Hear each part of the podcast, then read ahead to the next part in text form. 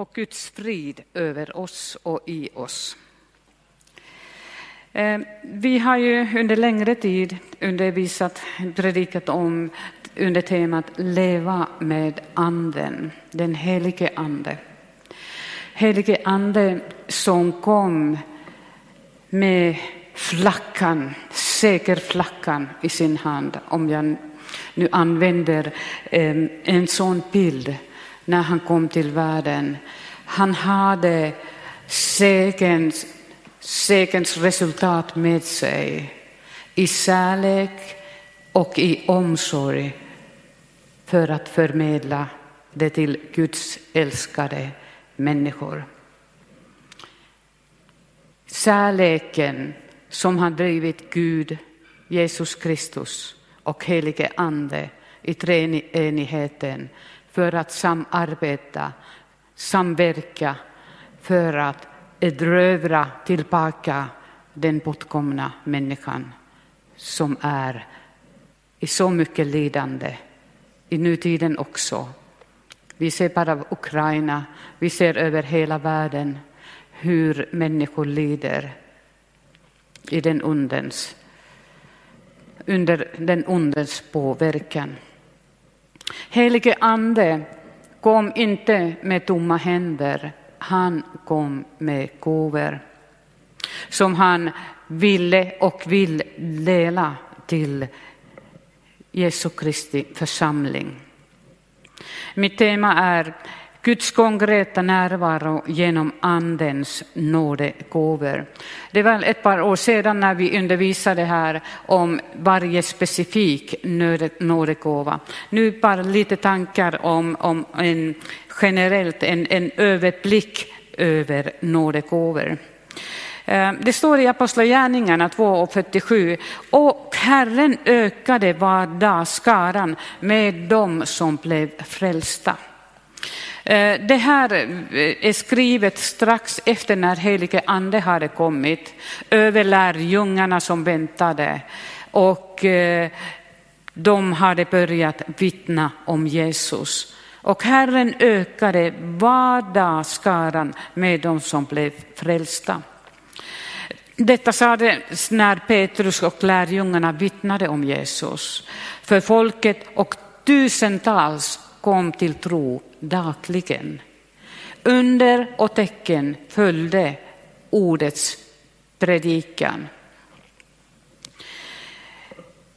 Petrus, Johannes och andra lärjungarna, de var ju skickliga yrkesmän och företagare, en del av dem. Men skriftlära och eh, äldsta religiösa ledare på den tiden hade en helt annan bild av dem. Med lite föraktfullt sade de olärda män ur folket när de såg dem att förkunna ordet. Det var deras eh, bild och sanning om dem. Och de det hade de var inte Petrus, Johannes lärjungarna, de var inte skriftlärda. De hade inte studerat som dem. Men de hade varit med Jesus och de hade väntat i Jerusalem enligt Jesu befallning. Vid en måltid hade Jesus befallt dem, lämna inte Jerusalem utan vänta på vad Fadern har lovat, det ni hört av mig. Johannes döptes med vatten, men ni ska om några dagar bli döpta i den helige ande. Och den åttonde versen, men när den helige ande kommer över er ska ni få kraft och bli mina vittnen i Jerusalem, i hela Judeen och Samarien och ända till jordens yttersta gräns. Och helige ande kom som lovat och resten är historia. Som en löpeld utan mobiler, utan data, utan den här tekniska kommunikationen som vi har nu, spreds kunskapet om Jesus Kristus. Tack vare den helige Ande och hans hjälp för de som hade börjat tro på Jesus. Nådegåvorna som helige ande hade med sig och har med sig för oss även idag är ju grunden för tjänstegåvor och uppdrag för, eh, för, som Gud har satt i församlingen. Och de här nådegåvorna i första församlingar skapar en härlig naturlig närvaro av övernaturlig Gud, Jesu närvaro. En naturlig närvaro av Jesu övernaturlig närvaro. Fötterna på jorden, hjärtat i himmelen och övernaturliga saker och ting hände genom det att de vittnade om Jesus. I tron berättade och vittnade om hans, hans försoning, seger och uppståndelse. Och den helige ande kom och bekräftade ordet. Och det var som en löpeld.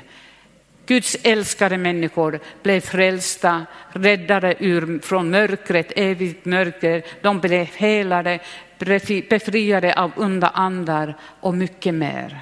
Helige ande kom med segerns sötma till människor för att de skulle få hjälp.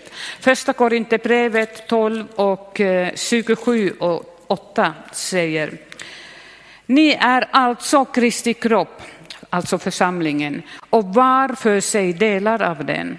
Gud har i församlingen för det första satt några till apostlar, för det andra några till profeter, för det tredje några till lärare, sedan några till att göra kraftgärningar, andra till att få gåvor och att bota sjuka, till att hjälpa, styra, tala olika slags tungomål. Allt detta så kallade verktyg i den helige andens kraft och eh, ledning var Guds tanke att hjälpa, uppmuntra människor i församlingen att följa Jesus, eh, växa i Jesus och hjälpa dem att berätta och vittna mm, vidare. Och jag läser bara snabbt genom de här nådegåvorna som helige ande hade med sig och har med sig och bara, han bara längtar efter att få dela ut dessa nådegåvor idag också. Det står ju eh, i kapitel 14 att vi ska vara att vi ska längta efter att få en nådegåva eller flera nådegåvor, att vi ska vara så ivriga som en kokande vatten, att det ska vara påla i oss, koka av iver. Åh Jesus, jag vill ha, jag vill ha de, det som du erbjuder. Jag tänker, det är ju väldigt tråkigt om vi sen när till sist är eh, i evigheten och i vårt eviga hem, om vi då tänker oj då, jag missade visst lite. Jag hade nog kunnat få lite mycket mer. Så det är bra att, att få kunskap, läsa, få undervisning, läsa böcker, få kunskap om det som Gud har redan gett till sin församling. Och du är hans församling, inte hela, men en viktig del av det. Och då läser jag de här. Men var och, hos var och en visar sig anden så att det blir till nytta. Seriöst, eller hur? Han visar sig för att det blir till nytta.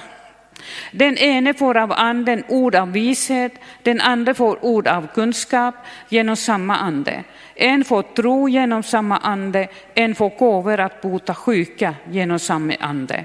En annan att göra kraftgärningar, en får gåvan att profetera, en annan att skilja mellan andar, en får gåvan att tala olika slags tungomål, en annan att uttyda tungomål.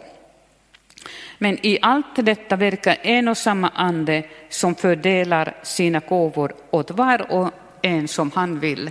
Vi ska ju söka och vi ska be och aktivt vänta och han ger det som passar oss bäst. Och de här nådegåvorna är ju till inte någon andlig elit, för det finns inte någon andlig elit. Det är bara att glömma. Vi står alla troende på samma nivå och de här nådegåvorna är tänkta för varenda en, för oss. Eh, om vi tänker, eh, eller inte tänker, om vi läser Apostlagärningarna 3 eh, och 1. När Petrus och Johannes efter det att helige ande hade kommit. Tidigare var de rädda, de var bakom låsta dörrar, de vågade inte visa sig.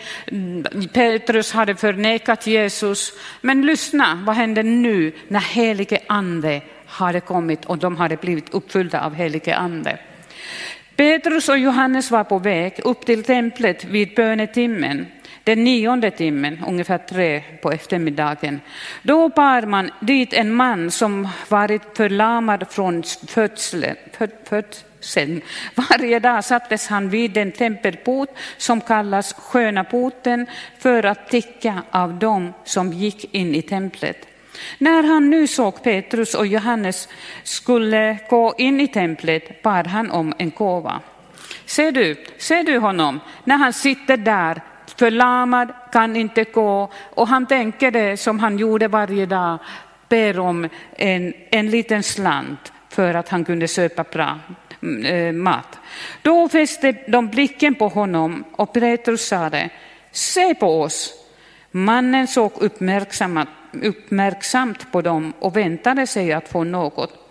Men Petrus sade, silver och guld, guld har jag inte, men vad jag har, det ger jag dig. I Jesu Kristi Nazarens namn, res dig och gå. Och han grep honom i högra handen och reste honom upp och genast gick, fick mannen styrka i fötter och brister. Han hoppade upp, stod upprätt, sedan började han gå och följde med dem in i templet där han gick runt och hoppade och prisade Gud. Om jag inte var en elefant i glasskåpet eh, så skulle jag hoppa och visa lite hur oerhört glad han måste ha blivit. Tänk förlamad, inte gå, inte hoppa, inte springa, bara sitta och se alla andra gå. Och Petrus kommer i Jesu Kristi namn stå upp och gå. Detta är verklighet idag också. När den helige ande leder dig till en rätt person. Och han säger till, lägg dina händer i Jesu Kristi namn, så blir de helade. Det står här, det är lovat. Till dem, alla de som tror ska dessa tecken följa. De lägger sina händer på de sjuka i Jesu Kristi namn och de blir helade. Det är ett löfte för oss. En annan sak är, tror vi på det? Tar vi det till oss? Eh, jag läste en Världen idag, eh, en, en kristen tidning, och där berättades om Kenneth och Lisa, men speciellt om Kenneth som fick ett eh, diagnos, eh, en eh, prostatacancer med metastaser förra sommaren. Och eh, läkarna undersökte och eh, diagnosen stod att det var prostatacancer som hade spridit sig. De tillhör eh, Santa Clara-kyrkan och där började vännerna be för honom när han berättade om sin situation. Och speciellt en person började till och med fasta och be för honom, hans hälsa. Och han blev helad. Det händer idag. Det stod, jag skrev vad läkaren skrev. Han har läkar, läkarens utlåtande om det. Något förvånande så finner jag att PAD-svaret från bio, biopseringen inte visar någon prostatacancer. Jesus hade helat honom. Det är underbart att denna seger som Jesus tog för oss på korset. Han bar våra sjukdomar också. Han bar våra synder, men våra sjukdomar också. Så den helige ande förmedlar detta. Men gåvorna bekräftar också Guds ord. Eh, vi läser i första Korinthierbrevet eh, 2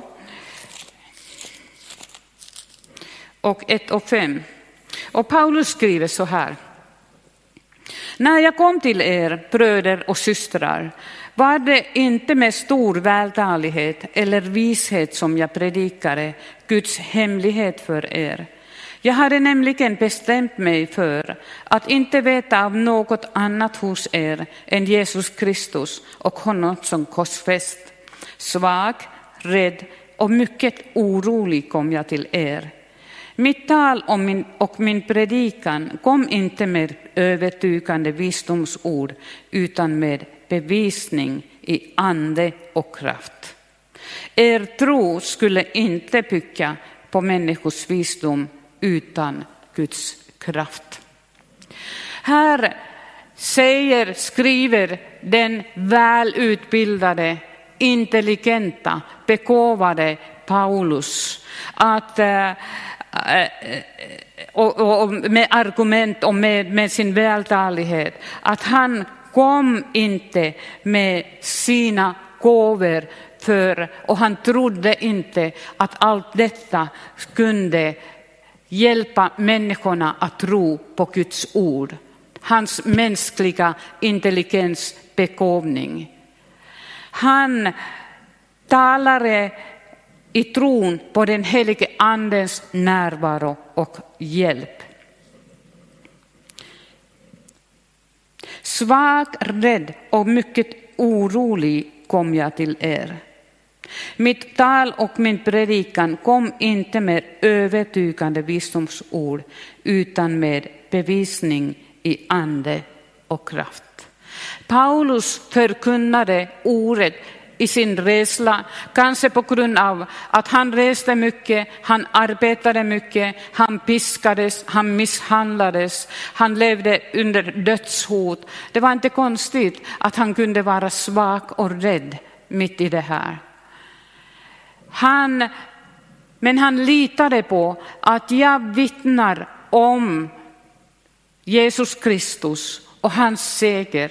Han litade på att genom dessa ord kom helige andens kraft, styrka och smörjelse och öppnade människornas hjärtan så att de kunde tro.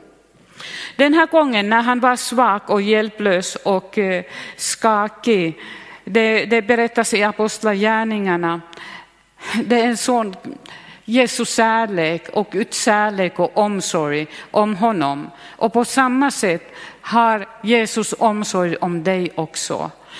Han var rädd, han var orolig och svag och mycket orolig. Då såg han en dröm under natten och Jesus sa det att var inte det rädd. Jag är med dig. Ingen kommer att göra dig illa. Jag kan tänka mig att han var rädd för att jag har, jag har piskats och stenats så många gånger. Kommer det hända här också? Men Jesus sa det i sin omsorg. Var inte rädd. Ingen kommer att skada dig. Och över ett, ett, ett halvt år var han där och predikade tröstad av Jesus. Första Korinthierbrevet 4 och 20. Guds rike består inte i ord utan i kraft. Dynamisk, dynamisk kraft, makt, förmåga. När man predikar Guds ord, när man vittnar om Jesus Jesu gärning kommer helige ande med kraften och bekräftar att det är sant som finns här i ordet. Annars skulle det vara jättetråkigt, tycker jag. Att man läser här, jaha, okej, okay, det var så där det hände. Jaha, jag försöker göra mitt bästa att leva efter det så som Jesus levde, vänlighet, omsorg, agape-kärlek mot mina medmänniskor. Jag ska, nog, jag ska göra mitt bästa. Och det räcker ju inte så långt, mänskligt bästa. För andra räcker det lite längre och för andra lite mindre. Men den helige ande kommer och ger den kraften och styrkan och hjälpen, då blir det någonting helt annat. Glädje, glädje och lycka, även mitt i svårigheter. Att han är med oss. Första Thessalonikerbrevet 1 och 5. För vårt evangelium kom till er inte bara i ord utan också med kraft och den helige ande och full visshet. Och 12 och 13, samma brev. Därför tackar vi alltid Gud för att ni tog emot Guds ord som vi predikade och tog till er, till er, inte som människors ord, utan så som det verkligen är, Guds ord som är verksamt i er som tror. Det här att när du tar ett löfte till dig själv som står i ordet, när du litar på det, att det här är Guds ord, Guds löfte, det verkar i dig. Det som det ska verka. Och sen genom dig också.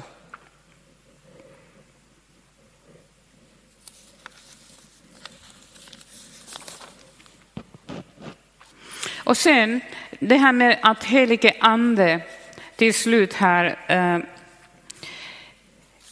helige ande, eh, eller Paulus beskriver en nytestamentlig gudstjänstordning i första Korinthierbrevet 14.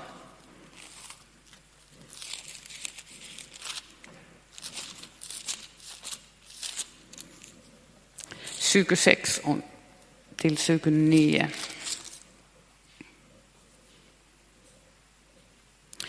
Hur ska det då vara bröder och systrar?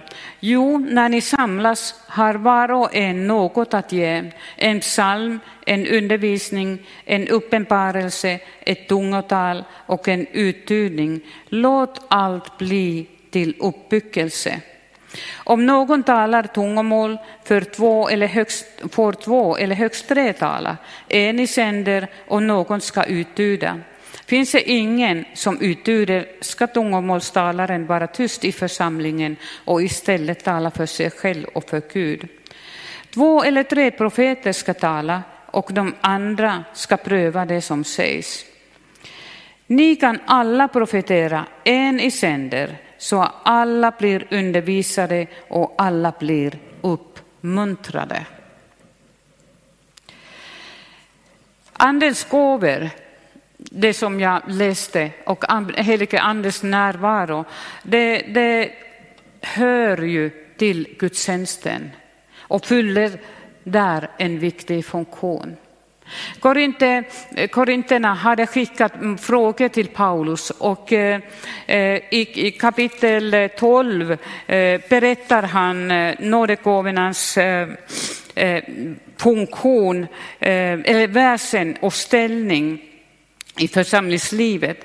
Och sen kapitel 13 beskriver han kärleken som är grunden för nådegåvorna eh, och för allt som vi gör i församlingen. Inte den kärleken som vi kanske tänker, rosa moln och rosa blommor eh, eller kärlek som bara är känslor. Det är frågan om agape-kärlek, utgivande kärlek. En sån kärlek som Jesus visade eh, med sin vandring och det som han gjorde. Och sen eh, kapitel 14 beskriver han hur man ska använda nådegåvorna. Egentligen är det inte vi som använder, det är den helige ande som uppenbarar sig eh, genom oss i gåvor. Det var en uppenbarelse för mig en sommar några år sedan när jag läste det här 12 och 7. Och eh, där det står att och anden hos var och en visar sig, mm, en annan översättning är uppenbara sig så att det blir till nytta. Då är det ju inte att jag måste och kan och ingen av oss kan krysta fram helige andens gåvor. Men han kommer över oss, i oss och han agerar genom den gåvan, genom oss.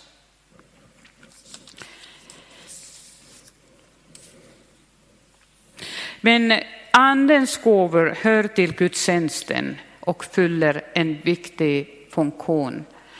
Det, när det beskrivs om en profetians gåva, som förresten Rut kommer att undervisa om ett par veckor, är det ju att när det kommer en människa till gudstjänsten och någon som har profetians gåva eh, berättar in i människans liv genom en profetia, någonting. Någon som kanske inte känner Jesus än. Då enligt Bibeln, då knäböjer sig den här personen och säger Gud är verkligen, sannerligen i er. Det är Jesu Kristi, Guds naturliga, alldeles naturliga, övernaturliga närvaro när han får tala genom till exempel profetians gåva till människors livssituationer.